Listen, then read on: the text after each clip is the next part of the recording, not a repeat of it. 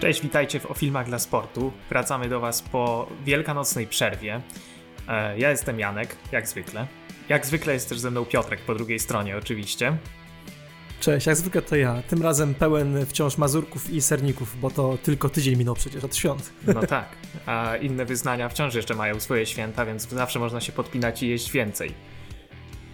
Owszem, właśnie, szczególnie, że właśnie w rodzince, w rodzince mam taką sytuację, więc ja wciąż w bardzo świątecznym nastroju e, witam wszystkich słuchaczy w naszym, uważaj Janku, ósmym, ósmym? Chwila. Ósmy. Który mamy odcinek? Ósmy, ósmym ósmy. odcinku, o matko. Chciałeś powiedzieć dziewiątym odcinku, mój drogi, dziewiątym odcinku o filmach dla sportu. Jest dziewiątym? To, e, tak, jest to niesamowite, Ojej. ale trzeba przyznać, że naprawdę przez kwarantannę po prostu, nie wiem jak tobie, ale u mnie, nie wiem, ten czas się raz kurczy, raz rozciąga. E, tak, faktycznie jest to dziewiąty odcinek i gdyby nie przerwa tydzień temu, to byśmy świętowali, słuchaj, więc za tydzień robimy jakąś imprezę z okazji dziesiątego odcinka. Tak, to aż mi trochę wstyd, A tym razem... się pomyliłem, ale ten czas mija teraz tak dziwnie, raz tak jak Owszem, mówisz, bardzo. pędzi jak błyskawica, raz zwalnia po prostu i idzie niczym żółw. A no, jestem zaskoczony, że to już dziewiąty. Jakoś byłem pewien, że ósmy, no ale cóż, w takim razie za tydzień, tak jak no, mówisz, świętujemy. Sytuacja na świecie się zmienia bardzo powoli na lepsze, więc mam nadzieję, że my też powoli będziemy wracali do tej normalnej czasoprzestrzeni. Tak. słuchaj, Janko, chyba nie ma co się oszukiwać, że będziemy próbowali jakoś zachować naszą strukturę trzaktową.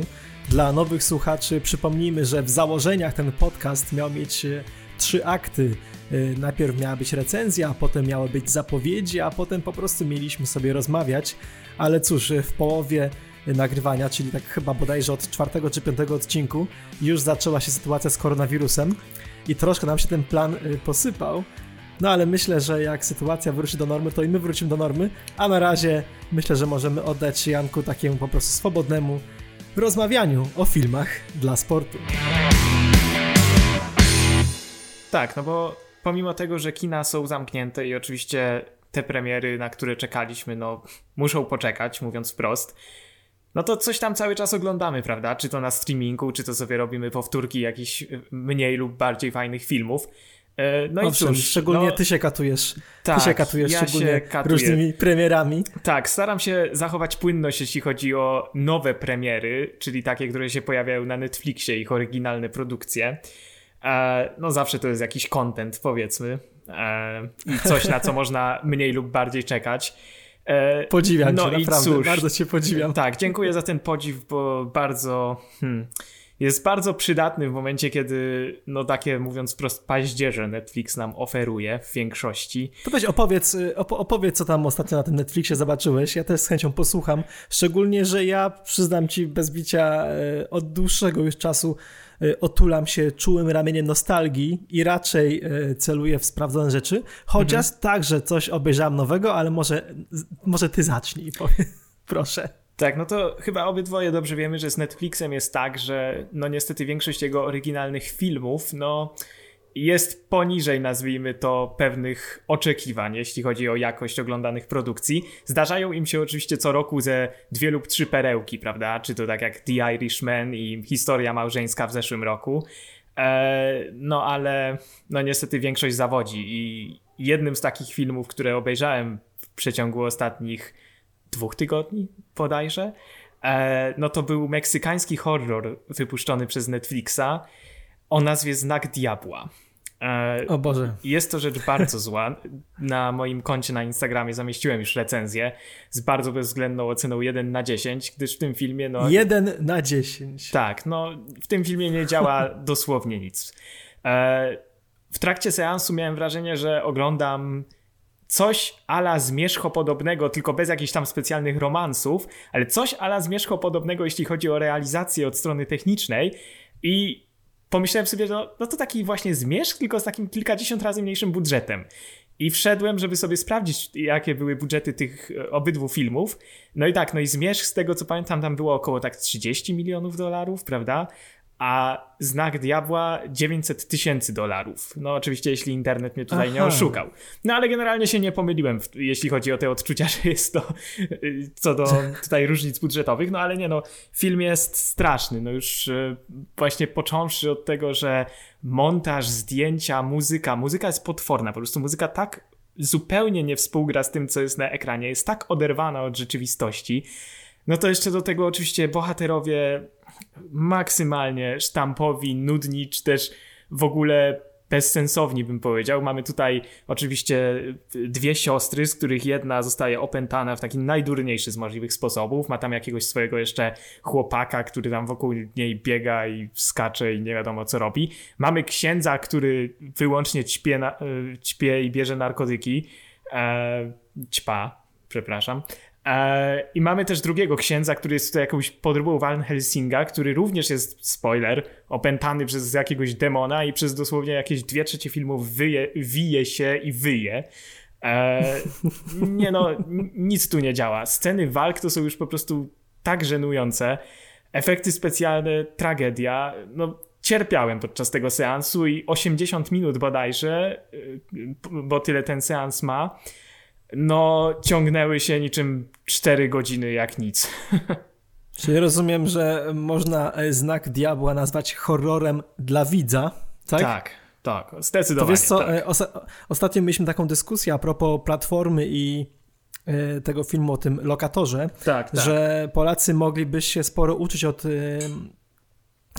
znaczy po, po, polski przemysł filmowy mógłby się sporo nauczyć, nauczyć od hiszpańskiego, żeby opowiadać ciekawe historie za bardzo małe pieniądze, ale rozumiem, że w przypadku znaku diabła to raczej y, nie powinniśmy naśladować naszych nie, sąsiadów, tak? Nie, no to, to jest tak jak mówiłem, produkcja meksykańska, więc do sąsiadów im daleko. Meksykańska, ale... rozumiem, meksykańska. Tak, to jeszcze ale... to, to, nie sąsiadów w takim razie. Nie, nie, nie sąsiadów y, europejskich. E, ale no nie, po prostu omincie tę produkcję i im mniej się będzie o niej mówiło, tym lepiej. Jako produkcja? Ja już nie pamiętam o, o co chodziło. Naprawdę. No, A co tam jeszcze obejrzałeś sobie, powiedz? Co tam jeszcze sobie e, zobaczyłeś? No, tydzień później obejrzałem kolejną nową premierę Netflixa. To jest tym razem komedia z Olivią Moon w roli głównej. E, nazywa się Pokochaj, poślub, powtórz. Jest to w sumie e, taka komedia omyłek, nazwijmy to. E, reżyseruje i, e, i pisze ją e, Dean Craig, który odpowiada za również za scenariusz filmu Death at the Funeral. Nie o. wiem, czy kojarzysz. To jest film, który reżyserował tak, Fra Frank Śmierć. Oz. Tak, Śmierć na pogrzebie. Tak, Śmierć Naprawdę na pogrzebie. zabawny film w obu wersjach. W wersji, mówiąc wprost, białoskórej i czarnoskórej. W obu tak. wersjach jest to naprawdę zabawny, kawał zabawnego kina. No i tutaj powiedzmy koncept jest podobny właśnie w tym pokochaj, poślub, powtórz, ponieważ tylko z tą różnicą, że tutaj na ślub we Włoszech przychodzi były chłopak panny młodej i grozi, że wyjawi pewien sekret.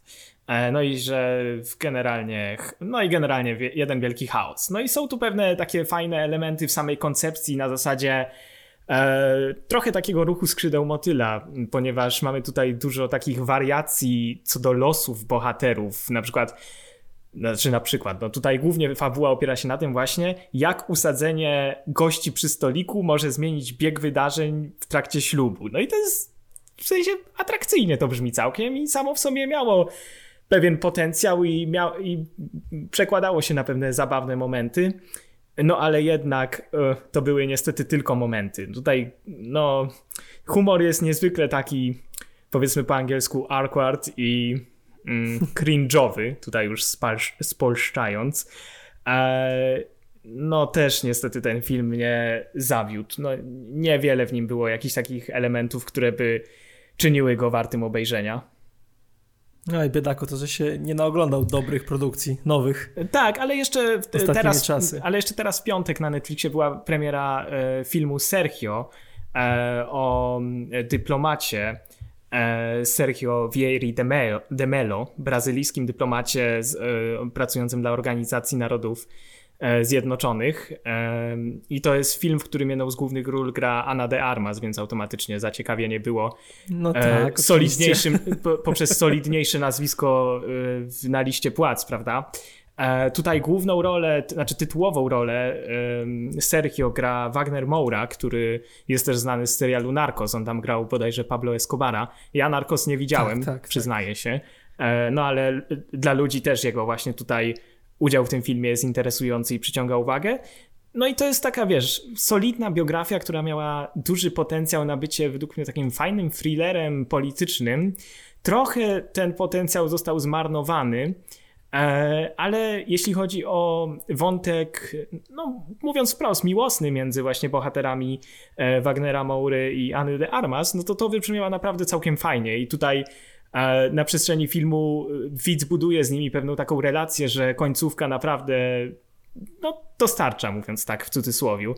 E, więc to był seans całkiem przyjemny, no trochę zmarnowany właśnie potencjał, e, trochę to kuje jednak, e, no ale to było solidne, to, to było ok, to było niezłe i mogę polecić obejrzenie tego, zwłaszcza, że no cóż nowego teraz oglądać, prawda? No tak, czyli mimo wszystko po tych y, po tym jednym solidnym paździerzu i takim półpaździerzu rozumiem, że Sergio jest taką nawet niezłą premierą Netflixa. Jeśli ktoś szuka y, niemalże kinowego doświadczenia w swoim domu, to może chyba spróbować, tak? Tak, jak najbardziej. Jest to po prostu niezły film. Warto obejrzenia w dzisiejszym, w dzisiejszej rzeczywistości. No widzisz, no y, ja się złamałem, mianowicie y, spróbowałem swoich sił y, z przepastnym katalogiem Amazon Prime Video zdecydowałem się na odpalenie kolejnego serwisu streamingowego, chociaż bardzo się przed tym broniłem, ponieważ nie cierpię, nie cierpię, słuchaj, klęski urodzaju, tak to nazwę, że tego jest po prostu za dużo. No Ale no słuchaj, poszukiwałem czegoś takiego, co, co mogło po prostu dać mi czystą rozrywkę i się, słuchaj, nie zawiodłem. Chyba już wspominałem tutaj na, na antenie naszego podcastu, że jest, jestem fanem komiksów i powieści graficznych. No i oczywiście Amazon Prime Video od dawna był na moim celowniku, ponieważ y, ten serwis wyprodukował The Boys, ekranizację komiksu, oraz mhm. także Kaznodzieje, także ekranizację komiksu, więc ja czytałem, czy, czytałem o, obie te pozycje, no i odpaliłem tych Boysów i słuchaj, powiem ci zupełnie szczerze, no wbiło mnie w fotel. Czy jeśli ktoś zna e, komiksowy pierwowzór, albo jeśli nie zna, ma ochotę na produkcję, która naprawdę bardzo, bardzo wręcz miejscami dosłownie dekonstruuje mit superbohaterski i chciałby zobaczyć takich e, Watchmen strażników, tylko że w takiej wersji bardziej jednak komercyjnej, bardziej, bardziej rozrywkowej, no to proszę bardzo, proszę sobie włączyć Amazon Prime chociażby na ten darmowy tydzień i zobaczyć Boysów, The Boys, bo naprawdę jest to mocny, świetny, miejscami bardzo krwawy, miejscami obrzydliwy, a miejscami też mocno zabawny serial. Oczywiście do komiksu nie ma startu, w komiksie dzieją się takie rzeczy, że żadna stacja, żadne kino, nawet żadne HBO by nie wyprodukowało wiernego, wiernej ekranizacji, ale mimo wszystko y, warto zobaczyć, warto zobaczyć, więc y, wiem, że ty nie jesteś taki aż, aż tak bardzo y, komiksowo brutalny, drogi Janko, ale jakbyś miał kiedyś ochotę się wyżyć, to polecam ci y, The Boys.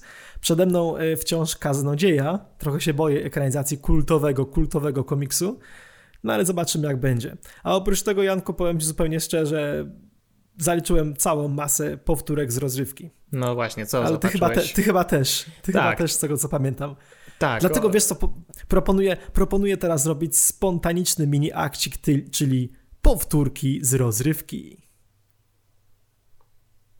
Mój drogi, więc e, sprawa jest bardzo prosta. Wyobraź sobie, że obejrzałem ponownie Łotra 1. o, Myślę, nice. że się, myślę, że cię zainteresowałem, tak? No, jak najbardziej, nie ukrywam. Słuchaj, e, słuchaj, po latach Łotr 1 oglądany jeszcze raz e, jawi mi się wciąż jako kawał bardzo dobrego kina, ale tym razem dokładnie, dokładnie widziałem te wszystkie Y, cienkie szwy, i, którymi, y, którymi ten film jest zszyty. Widać jak na dłoni. Y, miejscami ciężką rękę Disneya, ale wciąż jest to świetne widowisko, bezsprzecznie jeden z najlepszych gwiezdnowojennych filmów w ogóle w historii, a trzeci akt z bitwą na Scarif, no wciska, wciska fotel, naprawdę, a, więc... A, a, a, powiedz mi, przepraszam, że ci przerwę, co masz na myśli, że widać ciężką rękę Disneya? Widać, e, widać miejscami, jak ten film jest posklejany z różnych pomysłów, posklejany także z dokrętek. No to tak. E, Tutaj, tutaj tak, niewątpliwie naprawdę... te dokrętki były dość spore i trzeci akt został dość mocno przepisany. No w zasadzie większość filmu została no, może nie tak, dość tak. mocno przepisane, ale strukturalnie też się pozmieniało owszem, sporo. Owszem, tylko wiesz co, ja ale... nawet nie mam za bardzo pretensji. Mhm. Po prostu widać to. Widać no naprawdę, tak. widać jak, jak postać Jean Erso była po prostu nawet na stole montażowym budowana, rozumiesz? Nie na planie filmowym, tylko na stole montażowym ale też widać niesamowity po prostu kunszt Gareta Edwardsa, który jest jednym z moich ulubionych młodych reżyserów. On stworzył tylko film Strefa X, czyli Monsters i tylko Godzilla i tylko Łotra 1, ale naprawdę koleś ma niesamowite oko i kadry w Łotrze 1 to y, obok ostatniego Jedi chyba po prostu najładniej wyglądające Gwiezdne Wojny w historii. Naprawdę.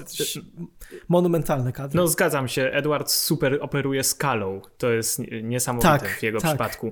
A co do... On bardzo, jeszcze... lubi, bardzo lubi takie realistyczne ujęcia. U niego nie ma tak, że po prostu kamera sobie leci przez świat, pokazując nam komputerowo wygenerowane obrazy. To jest zawsze podyktowane tym, że lecimy z kimś samolotem, myśliwcem, albo jesteśmy na szczycie jakiejś wieży. Bardzo mi się podoba to, że on y, y, stawia na realność zdjęć. To szczególnie było w Godzilli widać. Tam zwykle widzieliśmy wszystko z perspektywy małych człowieczków. Świetna, mhm. świetny efekt. Tak, to prawda. A jeszcze tak wracając do tego, co mówiłeś o tych dokrętkach, no to tutaj nie ulega wątpliwości, że było ich całkiem sporo. Tak jak mówisz, no ciężko się ostatecznie, no to znaczy w ogóle to nie jest żaden argument na minus tego filmu tak naprawdę, no bo liczy się końcowy produkt, prawda, a on jest właśnie, świetny. Właśnie. Ale, ale co ciekawe jeszcze, ja dobrze pamiętam ten okres, kiedy pojawiały się informacje, że właśnie pierwszy spin-off Gwiezdnych Wojen w nie wiadomo jakich problemach, że dokrętki, przepisywania scenariusza, w ogóle tu jakieś y, Tony Gilroy będzie nadzorował grał Gareta Edwardsa przy kręceniu tak, i tak. ten. No i to wszystko miało miejsce, te wszystkie wiadomości okazały się prawdziwe. Z tym, że najśmieszniejsze były reakcje ludzi na te wiadomości, bo wszyscy myśleli na, na zasadzie, no tak, wreszcie chcieli zrobić coś poważnego, coś porządnego, coś mrocznego, prawda? A tutaj głupi Disney przychodzi i każe im robić dokrętki, zmieniać wszystko, wszystko udzieciniać.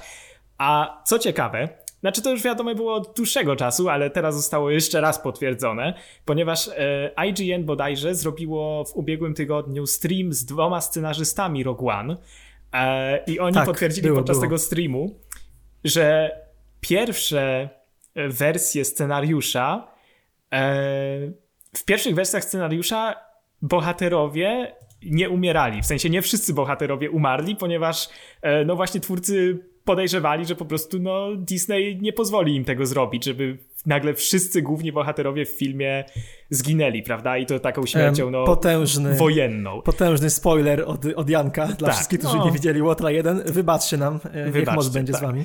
Ale no, no i no i wtedy właśnie Gareth Edwards i scenarzyści przyszli no, do Kathleen Kennedy, ona przyszła wyżej, prawda, no tak jak ta drabinka w Disneyu idzie no i wszyscy na górze stwierdzili, no że super, zabijajcie ich.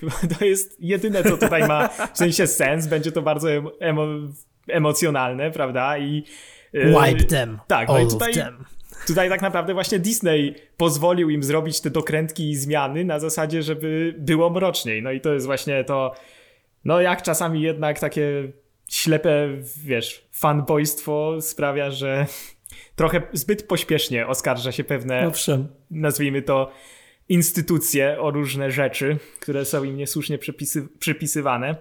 No ale tak, no nie, no Rogue One jest fenomenalny, no ja się zgadzam. Też wczoraj zresztą, wczoraj to znaczy w niedzielę, e, opublikowałem na Instagramie e, mój ranking Gwiezdnych Wojen, bo teraz robię taką serię ze względu na no, brak, mhm, tak. brak nowych premier.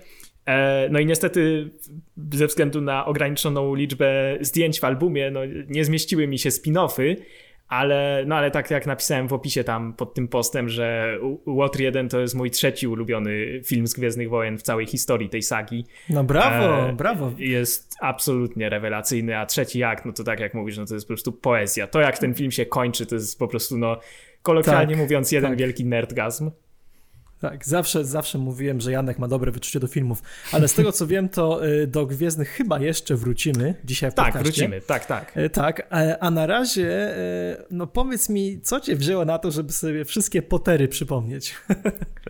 A wiesz co, głównie po prostu chcieliśmy sobie z narzeczoną zrobić powtórkę, też stwierdziłem, że to dobra okazja żeby je sobie powtórzyć właśnie w kontekście robienia tych rankingów.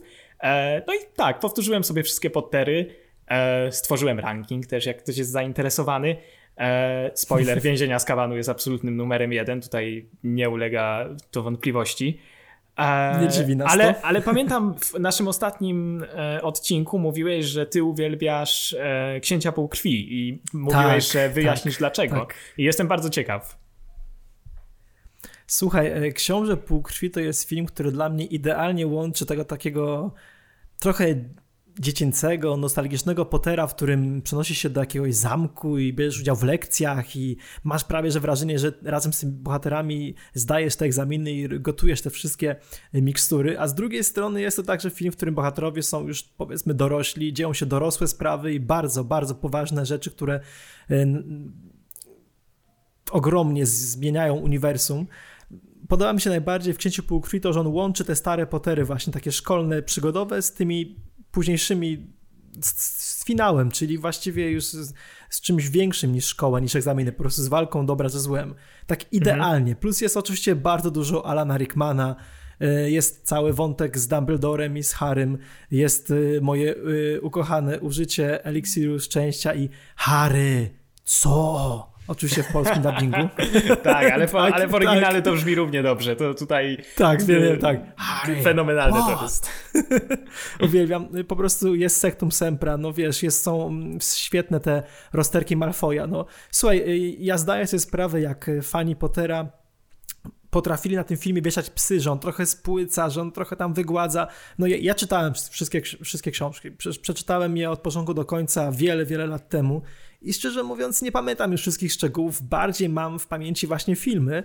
I jeśli chodzi o filmy, to właśnie do Księcia Półkrwi lubię wracać najbardziej, bo on dla mnie ma wszystko to, co powinien mieć fajny film o Harrym Potterze, czyli niesamowitą takie poczucie takiej przygody, magii właśnie, uczestniczenia w czymś, w czym mogą uczestniczyć tylko, tylko nieliczni mający ten wymarzony bilet do Hogwartu. I także te bardziej dorosłe, moralne rozterki, e, zmaganie się z przeznaczeniem. E, Mówię, nie wiem, nie wiem czy, czy, czy, czy mogę spoilerować, czy nie mogę, ale właśnie cały Myślę, ten, że możesz. no, no stosunek Snape'a z, z Dumbledorem, na, naprawdę, naprawdę w ten film ma wbrew pozorom naprawdę sporo takich takich trudnych rozterek, wiesz, to, to, to, to nie jest takie głupie, głupie kino przygodowe, y, familijne, w którym właściwie idziesz z dzieciakami i, i, i się nudzisz. Mhm. Nie, nie wiem, jak ty na to patrzysz, y, nie, nie wiem, kto, który, który książę półkrwi jest u ciebie na twojej tajnej liście, wiem, że e, Azkaban jest pierwszy, też jest świetny film, ale powiem ci zupełnie szczerze, u mnie Azkaban jest na drugim miejscu, tylko dlatego, że tam, że tam są wciąż dzieciaki. Ja jednak e, siłą rzeczy utożsamiam się bardziej z ludźmi jednak dorosłymi, E, jeśli można mówić o Harrym z- i Hermionie i Ronie z Księcia... O właśnie, Ron i jego, i, i ta, i Lavender i tak dalej. Nie no, stary, świetna część po prostu. Łączy idealnie elementy komediowe z tymi naprawdę mocnymi, poważnymi. Ach, rozgadałem Tam. się, ale autentycznie jest to moja ulubiona część i strasznie lubię wracać do Księcia Półkrwi. Polecam wszystkim Piotr Olczyk. Tak, a ja w Księciu Półkrwi bardzo lubię też to, że w końcu takie swoje przysłowiowe 5 minut, porządne 5 minut otrzymuje Tom Felton, prawda, który gra Malfoja. Tak, tak. E, w tak, końcu tak, może tak, aktorsko tutaj się pokazać, no bo w poprzednich filmach, no to nie oszukujmy się, no głównie to były y, nikczemne uśmieszki w stronę Daniela Radcliffe'a i spółki, prawda, i no głównie tyle, a tutaj no naprawdę ma kilka takich scen, gdzie, że tak powiem, może pokazać, że stać go na więcej. E, Czuć to ten jest ciężar, super. prawda? Wpływ rodziny, wpływ jakichś takich głupich przekonań jego rodziny, wpływ tego, No tak. do czego inni ludzie kształtują go, żeby był. Naprawdę, no, bardzo fajna postać i powiem ci szczerze, po tym filmie polubiłem i zacząłem szanować e, Malfoja jako postać. Mhm. Wiesz, po prostu. Naprawdę. No, a ja. Tak mi się przypomniało, jak mówiłeś o tym Harry, co? To mi się Co? przypomniało jeszcze. To mi się przypomniało, to właśnie też chyba w Księciu Półkrwi jest ten. Z kolei jeden z też z najzabawniejszych w ogóle tekstów w całej serii o Potterze. E, To jest jak Harry, Ron i Hermiona są y, przy profesor McGonagall zaraz po ataku na Katie Bell. E, Tak, dlaczego ona- widzę waszą trójkę? tak. Dlaczego, dlaczego zawsze, gdy dzieje się coś złego, wasza trójka jest na miejscu? I Ron wtedy na to, że pani profesor, ja zadaję sobie to pytanie od 6 lat. tak, ale Oj, chyba, chyba my też, Ronaldzie, chyba po- my też. No, chyba, chyba pomyliłeś filmy niestety, bo to chyba było w, w poprzedniej części, wiesz, w Zakonie Feniksa, tak mi się wydaje. Ja jestem przekonany, że w Księciu Półkrwi, ale możemy to zostawić słuchaczom do rozstrzygnięcia. Po prostu przyznam ci szczerze, że te filmy mi się trochę mylą, ale, ale, no. ale, ale, tak, wiesz co, możesz mieć rację. E, rzadko kiedy ktoś mnie może złapać na, takim, na takiej filmowej niewiedzy, więc szapoba, mój drogi, e, sprawiłeś, że sponsowiałem teraz trochę ze wstydu i e, słuchacze, zapomnijcie o tym. Nic, nic się nie stało, nic się nie stało zupełnie. No, ale, no dobrze, ale generalnie słuchaj, tak. Jeszcze tak dokończę tutaj kwestię Pottera. Właśnie, tak, no, że tak. Książę Półkrwi jest jednym z moich ulubionych filmów z tej serii. Bo umieściłem go bodajże na jakiejś czwartej czy piątej pozycji, już szczerze mówiąc nie pamiętam. Wylatują z głowy takie, takie szczegóły, no bo jednak istotniejsza jest treść i to, co o, da, o danej sztuce się czuje, prawda? A, mhm. e, no ale cóż, powtórzyłem sobie jeszcze potem e, Fantastyczne Zwierzęta 2, Zbrodnie Grindelwalda. Oh. E, no dokładnie. Może zostawmy to na tym. Wiesz co, ale nie, ale ch chciałbym do, dosłownie jednym zdaniem szczerze mówiąc, trochę teraz wyjdzie moja hipokryzja. Ja no. ten film widziałem tylko raz w kinie i mhm. naprawdę nie miałem ochoty oglądać go po raz kolejny. No ja dokładnie za tak samo. Pierwsze, za to pierwsze zwierzęta widziałem wiele razy w kinie, a potem, e, potem na Blu-ray. E, autentycznie w Zwierzętach 2 mi się właściwie nic nie podobało. Nie podobało mi się w ogóle miejsce, do których ta historia zawędrowała. Nie podobało mi się to, jak się wątki rozwinęły. No i oczywiście najbardziej nie podoba mi się wątek Kowalskiego. Po prostu nie rozumiem, jak, jak można było zepsuć tak ciepłą, wspaniałą końcówkę pierwszej części. Tak. Nie, nie wiem, co tam zaszło złego. Bardzo chciałbym, żeby ta część trzecia, o czym ostatnio rozmawialiśmy, naprawiła kilka błędów dwójeczki.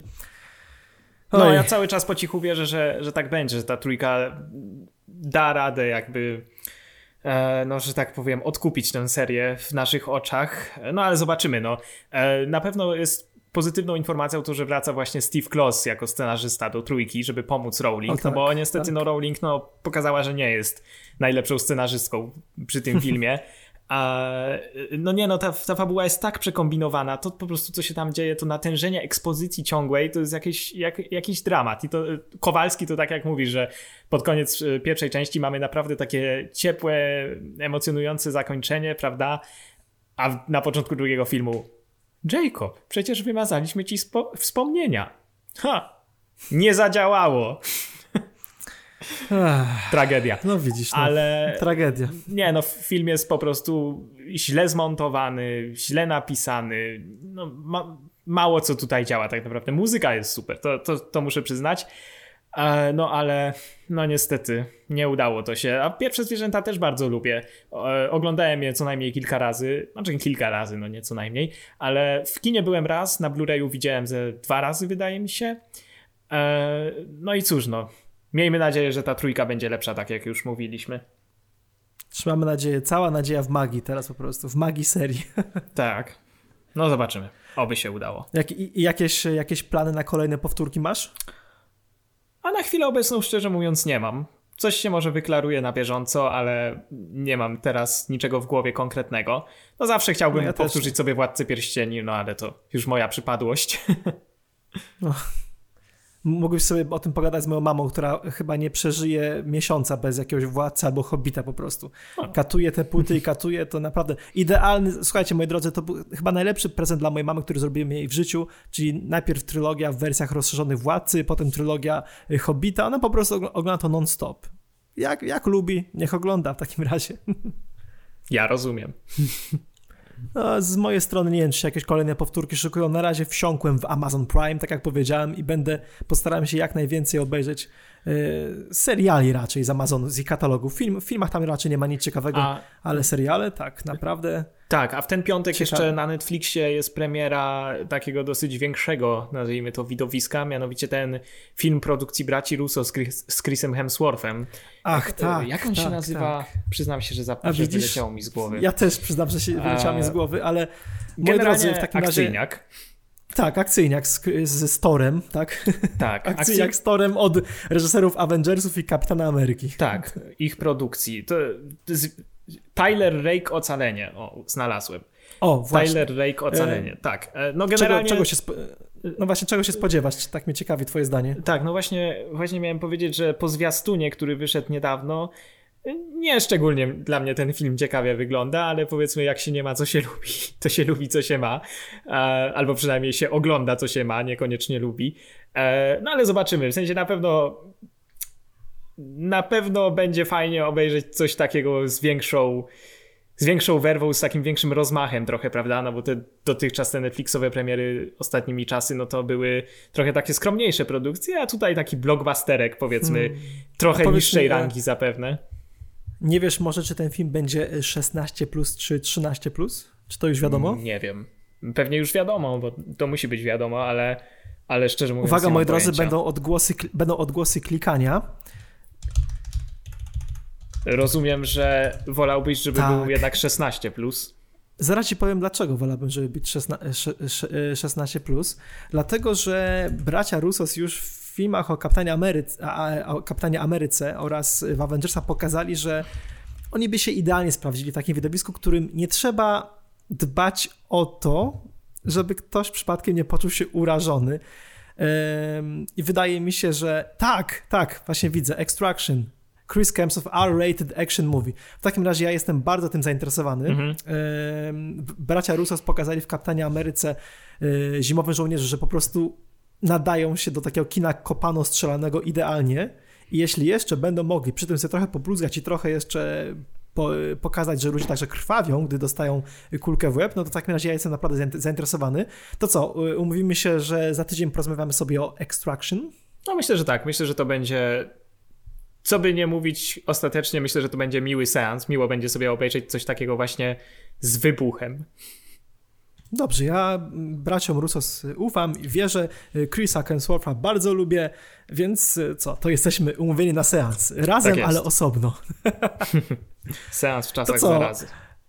To może teraz jakieś newsy?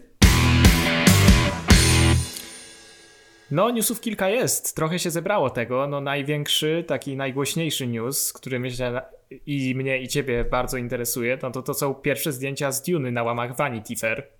Tak, tak. Widziałeś? No powiem szczerze, e, tak, widziałem. E, nawet e, zdradzę ci, że napisałem o tym newsa w ramach pracy, mhm. o tym newsie, więc jestem na bieżąco. Nie rozumiem troszkę uwag ludzi, którzy są mega zapatrzeni w Dune Davida Lyncha i uważają, że film Wilnewa wygląda bardzo surowo, szczególnie pod względem scenografii, kostiumów. No, szczerze mówiąc, dla mnie te kostiumy wyglądają w porządku, nie wiem, jak ty to uważasz. W ogóle nie wiem, czy ty widziałeś Dune Lyncha, ten stary yy... film z roku 84. E, mówiliśmy o tym przy okazji e, wspominania kariery Maxa von Sydowa bodajże. Ach, tak, teraz, że, teraz sobie przypomniałem. Że nie widziałem tej Duny i, do i raczej, nie, i, i raczej nie będę jej oglądał przed seansem tej nowej i jeszcze przed skończeniem książki, bo jestem w trakcie, więc to sobie zostawię chyba na przyszły rok dopiero, ten bardzo dobrze, Bardzo dobrze. Y, ja ci powiem szczerze, mm, po zdjęciach wszystko wygląda świetnie. Świetnie wygląda Jason Momoa, który wygląda jak Jason Momoa i tak. dobrze, bo Jason Momoa najlepiej gra i wygląda, kiedy wygląda i gra jak Jason Momoa. To jest tak, tego typu aktor. Oczywiście Timothy Chalamet, prawda, oczywiście Zendaya, oczywiście Oscar Isaac, Josh Brolin, no twarze bardzo znane, masywne jest to obsada i wszystko zapowiada naprawdę no, widowisko, jakiego dawno nie wiedzieliśmy. Y, nawet chyba ostatnio mówiłem o tym, prawda, że, że e, nie tylko Gwiezdne Wojny, jeśli chodzi o taką epopeję science fiction, że że po prostu, że cieszy mnie to, że widzowie będą mogli zobaczyć także coś innego e, z ogromnym budżetem, z efektami specjalnymi i z taką naprawdę no, fascynującym uniwersum. E, mhm. Bardzo mnie ciekawi, czy w sumie to nie. Ja nie chcę, żeby wyszło, że, że jestem jakimś maniakiem filmów dla dorosłych. Wiem, że filmy Wilnewa zwykle były dla dorosłych, ale akurat w tym przypadku to zapewne będzie PG-13, co Myślę, nie będzie tak. w tym nic złego. Tak, nie będzie w tym nic złego, bo y, w tej serii chodzi o coś innego. Ja powiem ci szczerze, nie mogę doczekać się, żeby zobaczyć jak Wilnew pokaże czerwie pustyni. Hmm. W młodości, w młodości te majestatyczne zwierzęta po prostu tak mi działały na wyobraźnię. To było coś niesamowitego, kiedy sobie wyobrażałem, że takie jakieś ogromne cielsko pędzi przez, te, wiesz, przez piasek. No, no plus cała ta kwestia polityczna, prawda? Kwestia tej przyprawy, planety Arakis i tak dalej. Mhm. Lud Atrydów, lud, lud Harkonnenów. No czekam, czekam, czekam. Y, ty rozumiem, że teraz czytasz, tak? Czytasz Dune? Tak, jestem w trakcie, tak. A, czyli też jesteś przehypowany pewnie na maksa. No. Hype pod sufitem. Bardzo czekam. No, no zdecydowanie jest to świetnie zapowiadające się widowisko. No obsada jest, tak jak mówisz, fantastyczna. Bardzo czekam na to, co pokaże Rebecca Ferguson e, w roli Lady Jessica. E, zwłaszcza, że o, tak, tutaj tak, tak, tak. Antony Breznikan pisał w Vanity Fair, że podobno rola Lady Jessica ma tu być troszkę większa niż w książce nawet. Więc to też jest ciekawe, jak to hmm. pokażą. No i cóż, no, zdjęcia wyglądają naprawdę fajnie, no, obsada jest potężna. Oscar Isaac wygląda już po prostu tak kozacko, że bardziej nie może. Tak, aż, tak, tak. A, aż mi się łezka wokół kręci, że nie dostaliśmy Paul Damerona w takiej zbroi w Gwiezdnych Wojnach, no ale dostaniemy w Dune. E, no i nic, no czekamy, no. Myślę, że, be, myślę, że będzie super. No, no strasznie się nie mogę doczekać tego grudnia. E, fajnie, że co roku w grudniu mamy takie widowisko właśnie, na które się czeka, prawda? E, Owszem, tak. Myślę, myślę, że się nie zawiedziemy. No też warto tutaj zaznaczyć, że zostało potwierdzone przez reżysera w wywiadzie właśnie z Vanity Fair, że to chyba było już wiadome, aczkolwiek mi to tak przypomniało, e, że ten film te, tegoroczny to będzie obejmował połowę fabuły pierwszej książki. E, Owszem, tak, film będzie w dwóch częściach. Tak. tak. No i właśnie mówił Denis, że, że nie zgodziłby się robić tego filmu, gdyby miał, mógł zrobić tylko jedną część. E, no ale że studio zgodziło się, żeby to była e, no, seria w dwóch filmach, znaczy seria, no może to pójdzie dalej, kto wie, no książki są kolejne, już nie mają, nie cieszą się chyba aż tak e, dobrą sławą jak pierwsza część, z tego co kojarzę, no ale zobaczymy, no jeśli będzie sukces kasowy, no to na pewno tutaj będzie kusić producentów, żeby Wiesz, ekranizować kolejne części. Znając Wilnewa, mm, film będzie zapewne trwał powyżej dwóch godzin, załóżmy Oj, 2,5. Tak. Tak, więc jeśli będziemy, się za kilka lat będziemy mieli po prostu pięciogodzinną epopeję w świecie Duny, no to ja Super. szczerze mówiąc no. czekam na to, naprawdę czekam. E, chciałbym, żeby to się udało. Reżyser jest świetny, znany z, z bardzo dobrych filmów, które idealnie łączą rozrywkę z takim, no jednak głębokim tłem. Tak, no a e, Villeneuve... Intelektualnym. Tak, tak a więc... No słucham cię. Sorry. E, no, ale chciałem tylko powiedzieć, że Villeneuve właśnie e, powiedział bardzo obiecującą rzecz, mianowicie, że bardzo mu zależało na to, żeby to zrobić w dwóch częściach, ponieważ taka esencja tego świata tkwi w szczegółach, więc można być pewnym, że te szczegóły zostaną wydobyte na powierzchnię. Owszem, owszem tak. No, też mówię, pomaga też obsada, pomaga tekst źródłowy, to na pewno będzie, to na pewno będzie coś także głębokiego. No, nie mogę się doczekać. Ja uwielbiam takie kino, uwielbiam kino, które zmusza do myślenia, ale też takie, które nie jest na siłę artystowskie, tak brzydko mhm. powiem. A właśnie takie kino tworzy Villeneuve. Słuchaj, Janku, e, wiem, że e, widzę, ilu już rozmawiamy, wiem, że przed nami jeszcze QA, więc może tak e, na szybko jeszcze takie ze dwa newsiki. Mianowicie chciałem Ci powiedzieć, że jestem niesamowicie podekscytowany tym, jakie są przyszłe plany J.J. Abramsa tak ci powiem. Tak, bardzo ciekawe J.J. Abrams, tak, tak. Abrams, którego od zawsze bardzo szanuję, lubię go, y, nie wszystkie jego decyzje mi się podobają, ale uważam, że no to jest taki, no to jest po prostu nerd, któremu udało się zawędrować na szczyt Hollywood i on czego się nie dotknie, to zawsze jest, jest to jakaś jakość. Mniej lub bardziej y, dobra, ale jakość, a nie, a, a nie fajans. No, ucieszyło mnie to, że dowiedziałem się, że tam Abrams z, z, z swoją, e, ze swoim Bad Robot mają wyprodukować trzy seriale dla platformy HBO Max i tak. o ile Duster, e, serial oryginalny oraz Overlook, czyli no coś takie leśnienie, wiesz, historyjki ze leśnienia, to są fajne rzeczy, ale naprawdę interesuje mnie Justice League Dark. To jest projekt mhm. od lat w Hollywoodzie, tam Guillermo del Toro miał to robić. Wiesz, Justice League Dark, czyli tacy powiedzmy ci troszkę mroczniejsi superbohaterowie z DC, trochę więcej horroru, John Constantine, Swamp Thing i tak dalej. No strasznie mnie ciekawi, jak to wyjdzie. Znając Abramsa i znając jakość HBO, dostaniemy takich y, anty-Avengersów na małym ekranie. Y, naprawdę mnie to kręci. Nie wiem, co to o tym myślisz, ale jak to może być coś naprawdę ciekawego. I znając życie, y, DC na tym położył łapę też, że dostaniemy też troszkę odniesień do tego bardziej mainstreamowego uniwersum, jakichś Clarków i innych Bruce'ów, ale fajnie, że skupią się na tych takich wyrzutkach. Mhm. Od kilku lat w kinie szczególnie wyrzutki rządzą, czy to są Strażnicy Galaktyki, czy Legion Samobójców, który filmem był kiepskim, ale zarobił kupę kasy, więc fajnie, że wreszcie też John Constantine, właśnie Swamp Thing, bodajże Zatana i cała reszta tych takich troszkę mniej znanych, ale bardzo ciekawych super, antysuperbohaterów z DC dostanie swoją szansę, więc to jest coś, co mnie naprawdę yy, ciekawi, na to czekam. No ja z materiałem źródłowym, jeśli chodzi o Justice League Dark, domyślam się, że to jest wiele różnych serii komiksów, prawda? Oj, tak, tak, tak. No to przyznam, że nie jestem w żadnym stopniu zapoznany, zaznajomiony. E, no, ale to, co mówisz, brzmi ciekawie. Na pewno z tych różnych seriali, no to brzmi to interesująco.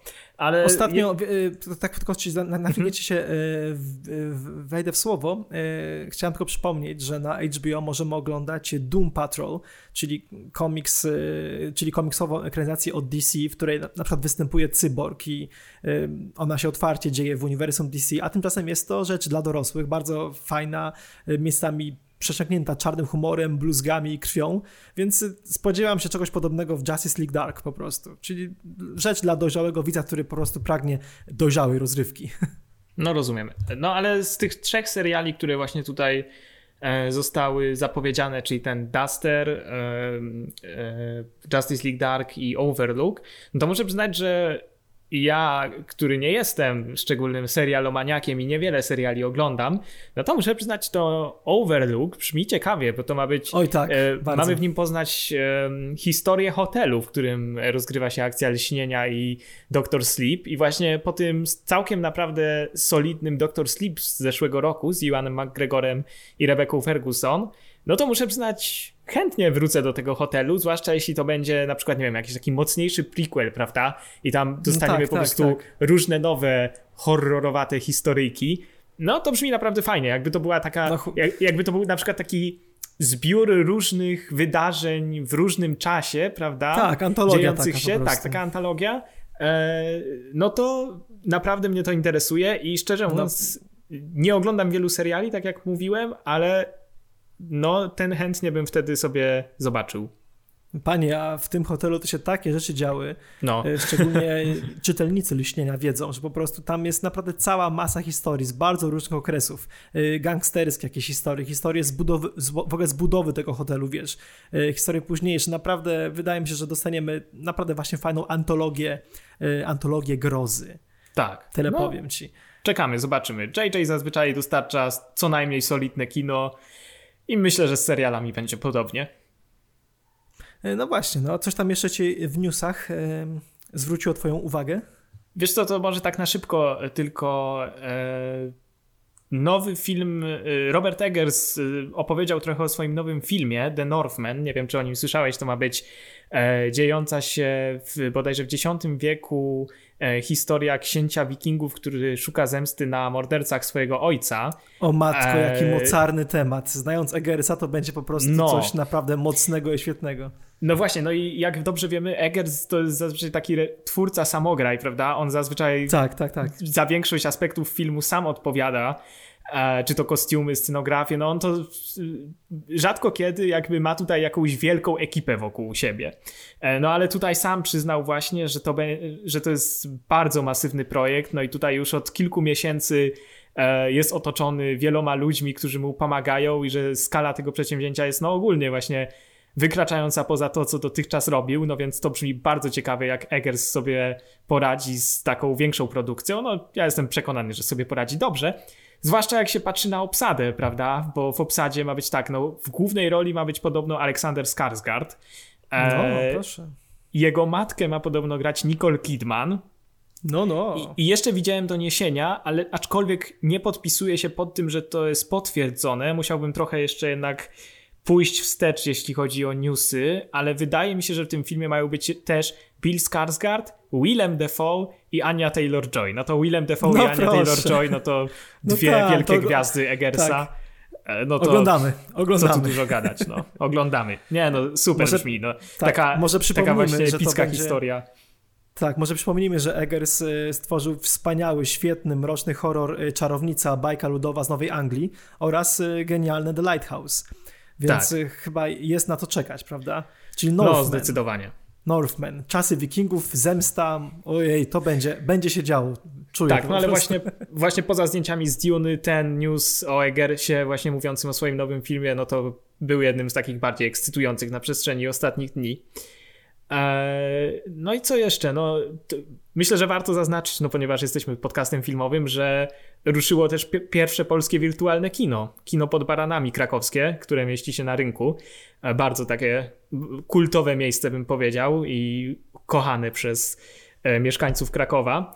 E, uruchomiło właśnie platformę ekinopodbaranami.pl. Tutaj taka mała reklama, ale myślę, że w tych czasach warto trochę tutaj jednak wesprzeć informację ich przynajmniej. No jasne, hashtag wspieramy polskie kina. No tak, czy tam hashtag wspieramy kina polskie jest oficjalna akcja. Kina polskie już tak, tak. Tak, tak no, tak, no myślę, że warto na to zwrócić uwagę, ponieważ tam jest e, właśnie na tej wirtualnej stronie kina pod baranami, gdzie można właśnie oglądać filmy, e, znajduje się kilka całkiem fajnych pozycji. No przede wszystkim jest tam absolutnie rewelacyjny e, portret kobiety w ogniu. O tak, Świetny ubiegłoroczny francuski film. Jest tam Midsommar w Biały Dzień o, a, no z, z Florence Pugh w roli głównej, też fantastyczne. E, jest, jest tam też właśnie wersja reżyserska Midsommara, więc e, na to warto o. zwrócić uwagę. E, ona jest dłuższa o bodajże jakieś co najmniej pół godziny, więc no tutaj jest trochę tej Jeszcze treści. Jeszcze dłuższe. O kurczę. Tak. No, to więc, się sprawdzę więc polecam zobaczyć. Myślę, że naprawdę warto wesprzeć takie kino, no i obejrzeć przy okazji dwie na, naprawdę fantastyczne produkcje, jeśli ich nie widzieliście. E, obydwie znalazły się wśród moich ulubionych filmów zeszłego roku. E, no i co? No i, no, no i właśnie tak jak mówiłeś, wspieramy kina polskie. No i jest właśnie akcja oficjalna Wspieramy kina polskie. Jest strona wspieramy e, pauzakina.pl, na której można kupić na przyszłość bilety do kin, no, które potrzebują teraz pomocy. Mhm. No więc też warto na to zwrócić uwagę. Wspieram oczywiście, bo jesteśmy podcastem filmowym, który jest polski. O, po prostu. Tak jest. Och, mój drogi, to co? Może przejdziemy sobie teraz do y, pytań od widzów, y, od słuchaczy, przepraszam, już sobie wyobraziłem, tak. że jesteśmy w jakiejś telewizji, tak? Pytań od słuchaczy. No dobrze, no to moi drodzy, czas jeszcze na Q&A. Jeszcze nie, jeszcze nie, jeszcze nie w telewizji, ale moi drodzy, y, szykujemy dla was że być może moglibyście nas y, obejrzeć. Może nie tak, jak sobie wyobrażacie, ale jednak coś tam, coś tam o, o tym myślimy z Jankiem. No to dobrze, y, to przejdźmy do Q&A. Tak, no to na Insta Stories na y, moim koncie o winach dla sportu e, uruchomiłem właśnie opcję Q&A Przepraszam wczoraj. Cię, usłyszałem o winach dla sportu i się miło o zrobiło. O winach dla sportu. No, całkiem tak. spoko pomysł. Można by zrobić całą, wiesz, taką taką wielką firmę dla sportu tak, i byłyby dla sekcje sportu. o filmach, o winach, o książkach. No, pomysł na biznes jest. Tak. No ale dobra, przechodząc do Q&A, e, bo mamy tutaj trzy całkiem fajne pytania. E, pierwsze pytanie, od którego chciałbym zacząć, myślę, że jest bardzo ciekawe. E, Olga Wolosiak, Wołosiak zadała pytanie, adaptacja jakiej książki slash sagi chcielibyście zobaczyć najbardziej? Ach, tak. Masz jakiegoś takiego faworyta? Oczywiście, że mam. Od no lat to mam. Yy, może zrobić taką malutką, malutką zagadkę. Jest to yy, saga, która doczekała się jednego filmu oraz niezrealizowanego serialu. Yy, film był bardzo źle oceniany, trochę zepsuł, chociaż miał świetną obsadę, a o serialu na razie nic Herakon. nie wiadomo. Nie. Nie, nie, co ja mówię? nie, nie, nie. nie, Pomyślałem, film był źle oceniany i od razu tak, poszedłem nie, no do Aragona. No właśnie. E, nie, nie, nie, będę cię męczył. Może od razu zdradzę. Oczywiście, no, oczywiście dla mnie e, chodzi mi o Mroczną Wieżę Stephena Kinga. A, monumentalną, tak. tak no. Monumentalną sagę horror fantasy, e, którą King pisał przez po prostu połowę swojego życia Świetna rzecz, bardzo złożona, z filmami, które mogłyby być bardzo różne gatunkowo. Mógł najpierw być taki post-apokaliptyczny thriller, mógłby być taki post-apokaliptyczny western, mogłoby być post-apokaliptyczne kino science fiction. E, w filmie e, tudzież w filmach mógł wystąpić nawet sam Stephen King. Tu zdradzę, że Stephen King jako postać także, także pojawia się w Mrocznej Wieży. No chłopie, no to jest coś, coś, coś pięknego, jest to opus magnum e, Króla Grozy i naprawdę jest trochę mnie szlak trafił, że ten film z z, z, z, z, z Matthew McConaugheyem oraz z Idrisem Elbą był tak słaby. chciałbym, żeby jakieś HBO albo nawet ten Netflix, żeby wzięli się po prostu za Mroczną Wieżę i wyprodukowali kilka sezonów i po prostu opowiedzieli historię y, rewolwerowca Rolanda i Człowieka w Czerni. Autentycznie. Bardzo chciałbym zobaczyć Mroczną Wieżę na wielkim albo małym ekranie, nieważne. Ważne, żeby było po prostu, żeby to była jakaś jakość. Ach. No, podpisuję się pod tym, co mówisz. Jest bardzo Dziękuję dziwne, bardzo.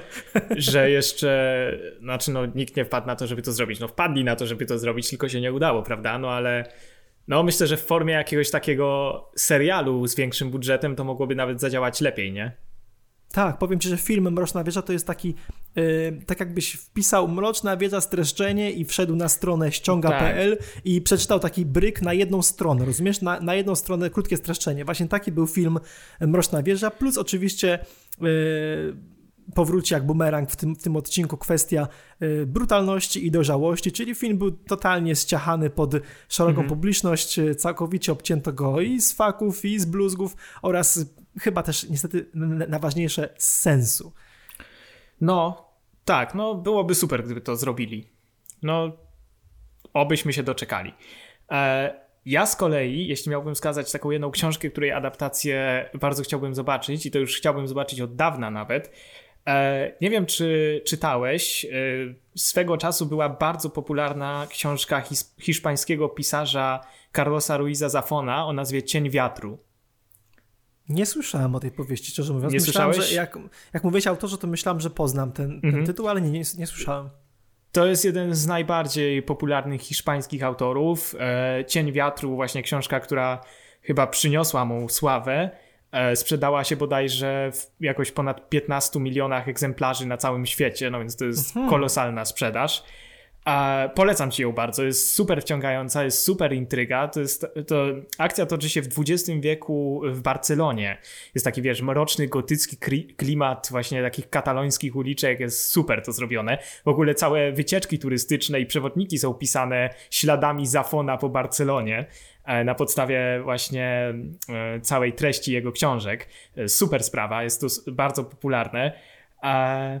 No, no właśnie, cóż, bo ja no znam właśnie... inne powieści. Właśnie ja znam, znam jego inne barcelońskie powieści. Nie mogę sobie przypomnieć, no łapiesz no, mnie teraz na maksa teraz. Tak, ale, właśnie tak Cień Wiatru, przydam szczerze, pustka w głowie. On... Ale za, zainteresowałeś mnie, Cień, wia- Cień Wiatru dostał potem e, prequel o nazwie e, Gra Anioła bodajże, a potem jeszcze został stworzony sequel Cienia Wiatru, e, Więzień Nieba to się nazywało. Mhm. Ja Więźnia Nieba, przyznam się, nie czytałem. E, grę Anioła czytałem. Już nie była aż tak imponująca jak, e, jak Cień Wiatru. E, pozdrawiamy, no, ale... pozdrawiamy twojego pieska. Tak, tak właśnie, właśnie troszeczkę mnie rozkojarzyła Lara, ale cóż, no, jej prawo.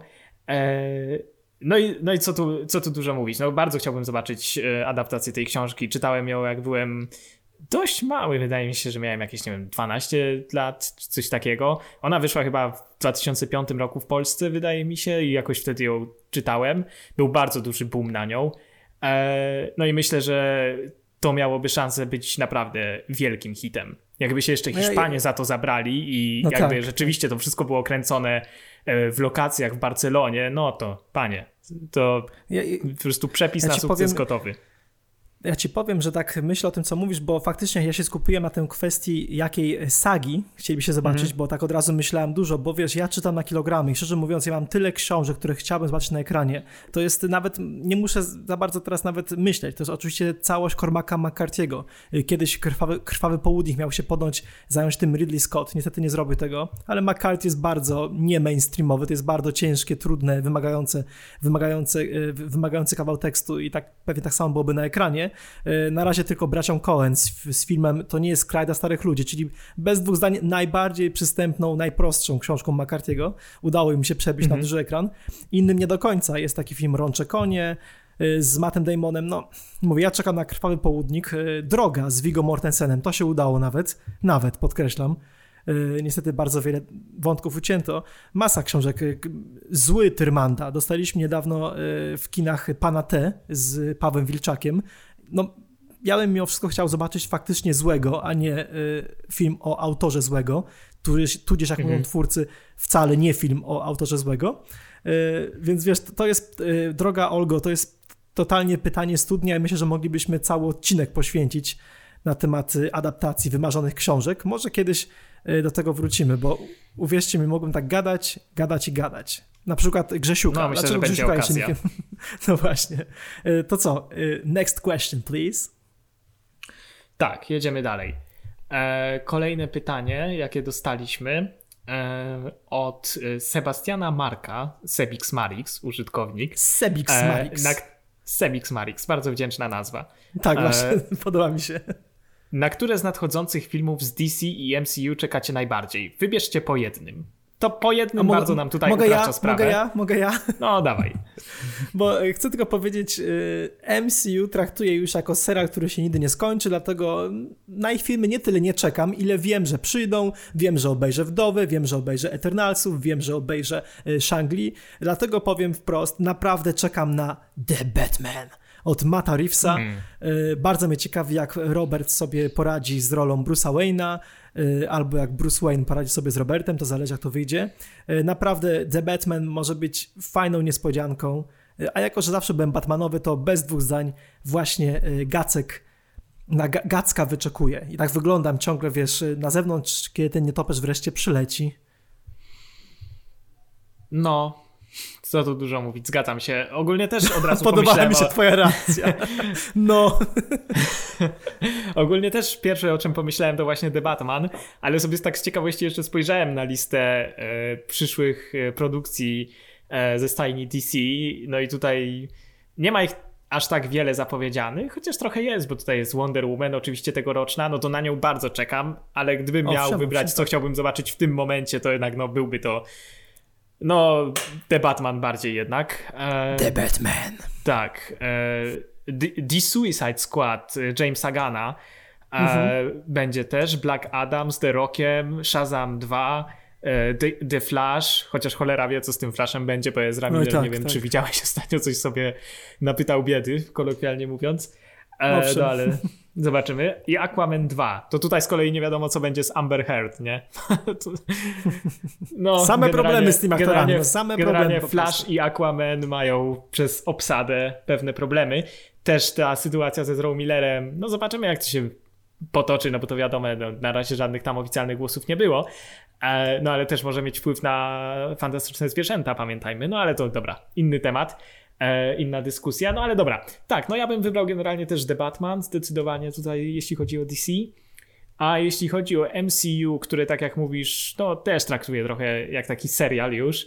Zresztą ciężko to inaczej traktować na obecnym etapie, ale dobry serial, żeby nie było, nie, że ja tutaj jakoś umniejszam MCU em, i wpływowi tego uniwersum generalnie na Kawał świat porządnej rozrywki po prostu i tyle. Tak, ale jak patrzę na te filmy tutaj, które są już zapowiedziane, czyli właśnie Wdowa, Eternalsi, Shang-Chi, tam Spider-Man trójka, y, Doctor Strange, y, Thor, Love and Thunder, Black Panther 2 i Captain Marvel 2, e, które są te filmy rozłożone no tak od tego roku do 2022 włącznie.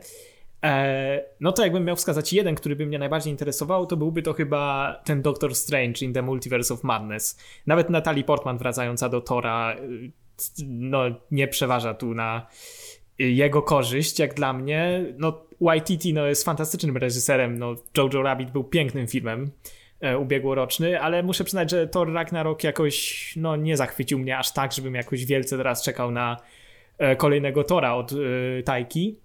E, A z kolei ten Doctor Strange, no to ma taki potencjał na trochę taką większą rozbudowę uniwersum, prawda? Poprzez ten podtytuł Multiverse of Madness. Tutaj jeszcze były różne doniesienia, że tutaj ma być trochę elementów horroru wprowadzonych, co też brzmi ciekawie.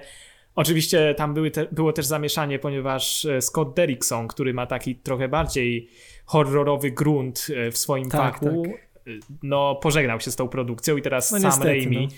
będzie reżyserem, czyli twórca trylogii Spidermana pierwszej. E, No zobaczymy, ale twórca, y, chciałeś powiedzieć twórca Martwego Zła, prawda? Tak. to też. No ale Śmieję ale się, wiesz, o te zdecydowanie- horrorowe powinowactwa po prostu, no. tak. Troszkę grozy. No, ale jeszcze, jeszcze słyszałem, że ten Doctor Strange 2 ma być właśnie jakoś powiązany bezpośrednio z najbardziej interesującym mnie projektem z całego MCU, czyli serialem na Disney Plus WandaVision, e, Mhm. który ma być jakoś tak w ogóle pół sitcomem, co tutaj w ogóle już sprawia, że chętnie do tego siądę. E, no, zobaczymy, co z tego będzie, ale tak, no ja mówię Doctor Strange i The Batman. A ja mówię The Batman, bo tylko Batman się liczy. ty, ty mówisz dwa razy The Batman. Tak, dwa razy Batman po prostu. No dobra, to y, zdaje się, że jeszcze jest ostatnie jakieś pytanie dla nas tak, szykowane. E, tak, przechodzimy teraz do ostatniego pytania, które zadała Kasia Rukowicz, Karukow. E, I to jest pytanie, poprzez które wracamy, tak jak mówiliśmy wcześniej, do tematu Gwiezdnych Wojen. E, I pytanie brzmi tak. Już wiemy, jak ty, tutaj odnosząc się do mnie, jak rozumiem, ale jak Piotr ocenia filmy Star Wars? Jak oceniasz filmy Star Wars? O, o, matko, znowu pytanie, które po prostu pozwoliłoby mi się mega rozgadać. E, no to jedziemy Boże, z segmentem hashtag Olczyk ocenia. Tak, pozwól, że spojrzę. O matko, gadamy już godzinę. Słuchaj, no chyba nam, chyba nam brakowało trochę naszego podcastu, bo już godzinkę sobie gadamy. E, moi drodzy, drodzy słuchacze, drogi Janko, postaram się mm, streścić. E, trudno jest mi mówić o Gwiezdnych Wojnach, powiem, jest to kino całkowicie połączone z początkami mojej świadomości i zainteresowania filmem. Czyli ja e, film, który wtedy nazywał się po prostu Gwiezdne Wojny, Star Wars, e, tak. przegrany z jakiejś innej przegranej kasety, ja no katowałem go chyba zanim jeszcze nauczyłem się dobrze chodzić. On od zawsze był u mnie domu puszczany. Dlatego og, ogromny, og, og, ogromna nostalgia wdziera się we mnie za każdym razem, kiedy myślę o tych czasach. E, pamiętam dokładnie, jak w konkursie Gazety Wyborczej, e, dzwoniąc do redakcji, mega zestrachany, zawsze byłem taki trochę nieśmiały, e, odpowiedziałem, że, że rebelianci na Hot podróżowali na Tauntanach. I dostałem wejściówkę, słuchaj, dostałem wejściówkę na premierę Mrocznego Widma, wyobraź sobie. Uuu, 99. Do, tak, to było bodajże w albo w kinie Kultura, albo w albo w, w Pałacu Kultury i Nauki, już nie pamiętam, ta kultura mi siedzi w głowie. Mm. Więc naprawdę, no, teraz z perspektywy czasu, kiedy jestem już 30, plus, y, już zamiast po 30 już coraz bliżej przed 40, widzę, widzę, widzę słabsze elementy. Widzę słabsze elementy prequeli. Y, ja wiem, że ty jesteś bardzo pobażliwy względem y, Zemsty Sithów, nawet bardzo lubisz ten film, zdaje się, że oceniłeś go na 9 na 10. Także nie wieszasz psów na Mrocznym Widmie czy Ataku Klonów. No dla mnie te trzy filmy, prequele, no one, one naprawdę, nie, nie, nie mogę powiedzieć, że mi zepsuły dzieciństwo. Ja wyszedłem z Mrocznego Widma zachwycony, bo miałem w pamięci mhm. Darta Mola, miałem w pamięci Pod Racing, e, potem Atak Klonów i nawet Zemsta Sithów sprawiły, wiesz, Zemsta Sithów pamiętam dokładnie, zabrałem tatę do kina w ramach takiej tradycji, e, wtedy już na pewno byliśmy e, w, w, kinie w Pałacu Kultury i Nauki i pamiętam, że wyszliśmy z Zemsty Sithów i tak powiedziałem tacie, kurczę, nie wiem w sumie, wiesz, ja wtedy miałem 20 lat, to było okolica moich urodzin. I tak wyszedłem i mówię, okej, okay, no Gwiezdne Wojny się skończyły, bo poznaliśmy całą historię i w sumie co ty mówisz? A tata mówi, a takie tam efekty, efekty. Ja mówię, no, no, faktycznie, takie trochę bez duszy. Więc powiem tak, bo oczywiście się rozgadałem. Stara trylogia jest świetna. E, Nową Nadzieję obejrzałem milion razy, a Imperium i Powrót Jedi pewnie jakieś 500 tysięcy razy. Uwielbiam te filmy, uwielbiam swadę bohaterów, uwielbiam te urocze, świetne efekty praktyczne oraz pionierskie efekty specjalne, po prostu niesamowicie zaawansowane.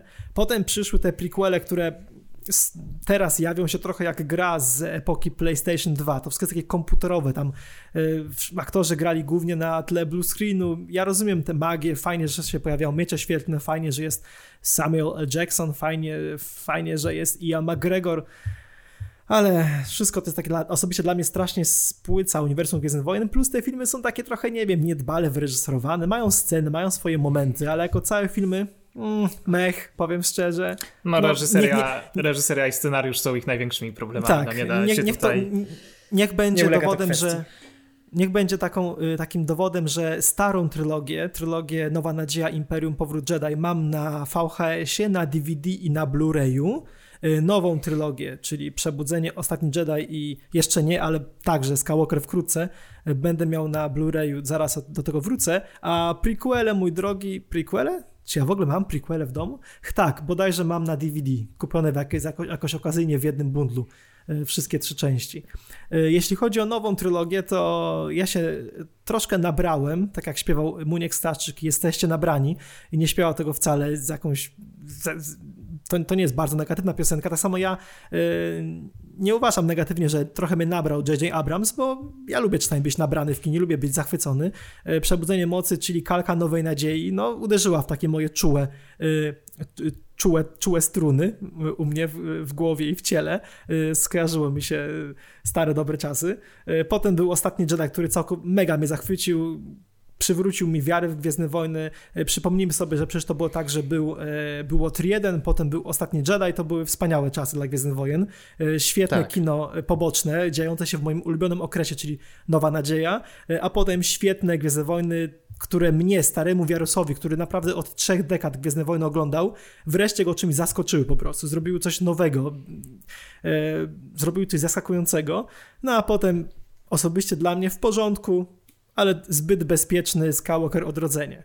Więc mhm. o matko, ale się rozgadałem. Więc podsumowując e, Czyli... py pytanie, pytanie pani Karukow, oceniam je bardzo wysoko, głównie przez nostalgię jako całość, pierwszą trylogię przez, przez jakość także, kino nowej przygody, niesamowite, niesamowite rzeczy w kinie, których nie oglądaliśmy wcześniej, potem prequele jako trochę stracona szansa kino CGI, dobre, żeby, dobre, żeby poleciał w tle jako rozrywka, może żeby dzieciakom pokazać, trochę Gwiezdne Wojny wprowadzić, a nową trylogię kilka, trzy, trzy spoko filmy, z czego jeden naprawdę bardzo w porządku, e, ale nic więcej, nic więcej niż najlepszy film Marvela, bez e, magii, bez legendy.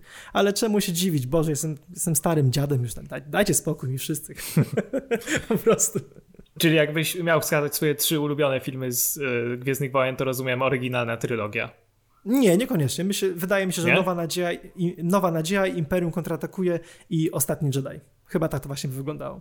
No no to ja mam takie same filmy w moim top 3 z tym, że Ostatni Jedi się wymienia miejscem z Nową Nadzieją.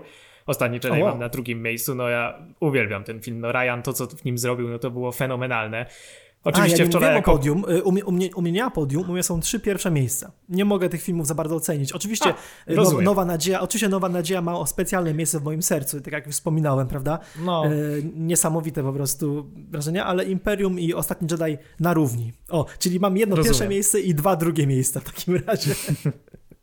rozumiem. No ja wczoraj jak zamieściłem właśnie e, mój ranking Gwiezdnych Wojen na Instagramie, to dostałem już co najmniej kilka wiadomości na zasadzie co, The Last Jedi tak wysoko, y, no i różne tam inne y, mniej lub bardziej kulturalne y, pytania i zaskoczenia, zdziwienia i niedowierzania, e, ale no powiedzmy w żadnym stopniu nie zmienia to mojej opinii. Już ten powiedzmy falę hejtu na ten film, no to już dawno przerobili wszyscy, e, no ale cóż, no nie, no to The Last Jedi jest fantastyczne. No ja muszę przyznać właśnie, no, no znasz mój ranking, to widziałeś tak, to, co tak, tak, opublikowałem. No zdecydowanie dla mnie, no Atak Klonów, który sobie no niedawno też obejrzałem, no, no mam do niego duży sentyment, nie ukrywam. No ja w ogóle, no jak wiesz, ukocham Gwiezdne Wojny.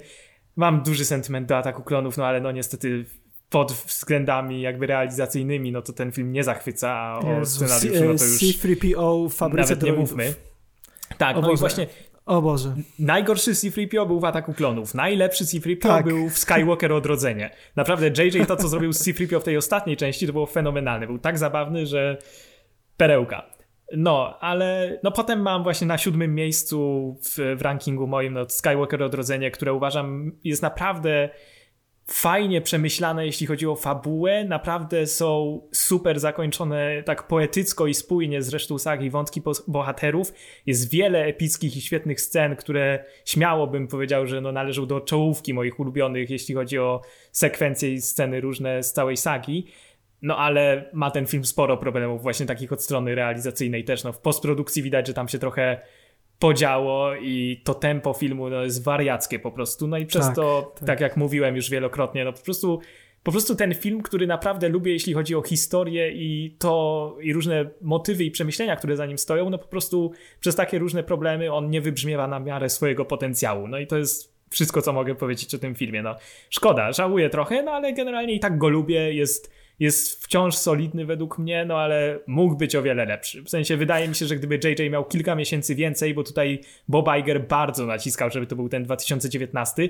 Ryan Johnson chciał po The Last Jedi robić epizod 9, ale powiedział, że musiałby mieć rok więcej. No i chciałbym żyć w, w, rzeczywistości, w której to Ryan kręcił epizod 9, nie ukrywam, ale myślę, że gdyby JJ dostał te kilka miesięcy więcej, to też mielibyśmy o wiele lepszy film. Wiesz, Janku, e, no. powiedziałeś o Reanie, skaże mi, coś, się coś innego. E, w dziewięciu przypadkach na dziesięć nie podoba mi się myślenie w stylu oj, gdyby wizja innego reżysera wyszła, to byłoby lepiej, bo najczęściej jest to bullshit. Nie, no wiem, ale wiem. tutaj, ale, ale czekaj, czekaj, czekaj, czekaj, czekaj, czekaj, czekaj. Ale tutaj przyznam bez bicia, że mhm. naprawdę bardziej podobała mi się wizja Colina Trevorowa, bardziej mi się podobały ten wycieknięty scenariusz. Autentycznie e, scenariusz do filmu Duel of the Fates, hmm. czyli do pierwotnego epizodu dziewiątego cholernie mi się podoba. Naprawdę podobają mi się. Um, nie, ma, nie ma imperatora. Kylo Ren po prostu jest zły i tyle. Um, no to... Wiadomo, jest, jest więcej Carrie Fisher i tak dalej. No, hi, prawdziwe życie dopisało smutne, smutne zakończenie y, historii Lei Organy, ale powiem ci szczerze, nie wiem, co ty myślisz o Duel of the Fates, ale na papierze ten film wydawał się dla mnie, ten film wydawałby się e, dla mnie o, o niebo lepszy niż Skywalker Odrodzenie. Wiesz co, ja się nie zgadzam. To o, mówiąc wprost boom. się nie zgadzam. A według mnie Duel of the Fates traktuje w naprawdę absurdalny jak dla mnie sposób właśnie dziedzictwo Lukasa tutaj wchodzimy na różne wątki typu Grey Jedi itp., co jest fajne pod kątem tego Expanded Universe całego i generalnie mhm. takiego fanboyowania, ale to nie ma nic wspólnego z, jakby z tym, co tutaj stanowi kwintesencję Gwiezdnych Wojen. E, mamy ten wątek Kylo Rena, który jest taki zły, zły, no już mamy tutaj go niczym Vader 2.0, a też idea kończenia sagi tak naprawdę z Kylo Renem, który no on się tam jakoś tam niby nawraca na, w ostatniej dosłownie sekundzie tego scenariusza, ale, ale generalnie ten wątek z Kylo Renem bardzo mi się nie podobał. E, Rey tutaj tak naprawdę nie ma żadnego większego celu w tym scenariuszu. E, w ogóle jest tak naprawdę bohaterką, protagonistką, która tak naprawdę tylko biega z boku. Mamy tutaj typowe dla Trevorowa wątki typu oczywiście Paul Dameron musi się całować z Rey, tak jak Chris Pratt i Bryce Dallas Howard w Jurassic World. No nie, nie podobał mi się ten film, y, znaczy ten film, ten koncept. Było w, nim, było w nim sporo fajnych rzeczy w stylu e, na przykład wątek Fina mi się bardziej podobał w Duel of the Fates Owszem, e, tak, niż to, co dostaliśmy w The Rise of Skywalker. Wydaje mi się, że JJ też tutaj szedł trochę w takie Stormtrooper Rebellion poprzez to, że Finn tam spotyka w dziewiątce tę, e, tę postać e, Naomi Aki i tam są ci też szturmowcy, którzy prawda e, się nawrócili E, i potem Finn, prawda, prowadzi na e, orbakach, na tych, nazwijmy to koniach, szarże po Konikach. niszczycielu, to jest super, ale ale ten, no ale u Trevorowa ten wątek był bardziej wyrazisty zdecydowanie, więc ten wątek Fina bym chętnie zobaczył, zamiast tego, co dostaliśmy ostatecznie. Ale jeśli chodzi o Rey, Kylo, Leję, która miała być sercem tej historii, e, póki Carrie Fisher żyła, a tak naprawdę w tym scenariuszu Duel of the Fates Lei w ogóle praktycznie no mówiąc wprost nie ma, a jej rola jest marginalna, e, no to uważam szczerze mówiąc, że dużo lepiej JJ sobie poradził z Leją już po śmierci Carrie Fisher niż Trevor z konceptem Lei, kiedy Carrie Fisher żyła. JJ naprawdę dał radę zrobić Leję sercem tej historii, taką kotwicą, wokół której wszystko się toczy. No plus nabudował jej przeszłość mega fajnie poprzez to właśnie, że został pokazany jej fragment jej treningów z Luke'em, no, no mi Bardzo się to mi się super podobało. podobało. i zobaczyć jeszcze raz tych bohaterów młodych, to było, to było niesamowite przeżycie w kinie, niesamowite Ekstra to było. No super więc nie, no generalnie, generalnie rozumiem, że Rozumiem, że Skywalker Odrodzenie nie jest świetnym filmem i przez to właśnie różne takie koncepty mogą się wydawać ciekawsze, ale wydaje mi się, że znacznie, znacznie bardziej spójne w kontekście całej sagi jest jednak e, to, co dostaliśmy, niż to, co mogliśmy dostać. I szczerze mówiąc, nie ufałbym Trevorowowi, którego reżyserii po prostu nie lubię i którego filmów nie lubię. I co by nie mówić, to jednak cieszę się, że, że to JJ zrobił ten film. A, no ale no nic, wydaje mi się, że wiesz, no to już jest czyste gdybanie, no po prostu. No jasne. No. Na szczęście nie we wszystkim się zgadzamy, bo by było strasznie nudno wtedy po prostu, wiesz. Tak, no ale myślę, że obydwoje chcielibyśmy, żeby Ryan zrobił dziewiątkę, to wtedy było. Tak, bardzo, bardzo. Tutaj, tu się zgadzamy. Co, co, do tego się zgadzamy. No, no nic, no to tak sobie pogadaliśmy wstępnie, no ale to tak jak mówiłem, no właśnie e, Skywalker Odrodzenie mam na siódmym, potem mam e, potem mam, co mam potem? Ojej, już po prostu wszystko mi... Potem mam Przebudzenie Mocy, które no faktycznie no, na ciut zbyt bezpiecznym fundamencie trochę się opierało, ale według mnie było to naprawdę świetne wskrzeszenie Gwiezdnych Wojen i fantastycznie wprowadzało te nowe postacie, które są według mnie bardzo barwne i ciekawe. Potem Zemsta Sithów, którą uwielbiam, przyznaję się, nie mam tutaj niczego do ukrycia. No a potem Powrót Jedi, Nowa Nadzieja, The Last Jedi, również się przyznaję. No i Imperium kontratakuje. Dobry ranking. Daję dyszkę. Dziękuję. No dobra, uff. To co, to chyba na dzisiaj tyle z naszych y, rozważań na temat y, filmów. Oczywiście tylko dla sportu, no bo dlaczego innego? Moi drodzy, to był, y, Boże, to był normalnie dziewiąty odcinek, po prostu, nie, nie wiem. Najdłuższy świetnie. chyba. Tak, najdłuższy, dziewiąty. Musimy przebić to dziesiątym. Y, zobaczymy, czy się uda. O matko, jest go... Słuchaj, godzina 15. No, za, zapiszcie to, drogie dzieci, w, w kajecikach, bo to jest naprawdę niesamowite. Ale cóż, no brakowało chyba nam rozmowy, więc za tydzień na pewno wracamy. Porozmawiamy sobie o Extraction i może znów jakieś Q&A zrobisz, bo chyba mamy sporą frajdę z odpowiedzi na te pytania. Tak, no, bardzo, bardzo fajne tak. te pytania. A tymczasem, moi drodzy, w dziewiątym odcinku podcastu o filmach dla sportu mówili dla Was niestrudzeni Piotrek i Janek. Wielkie dzięki i słyszymy się za tydzień. Cześć! Cześć!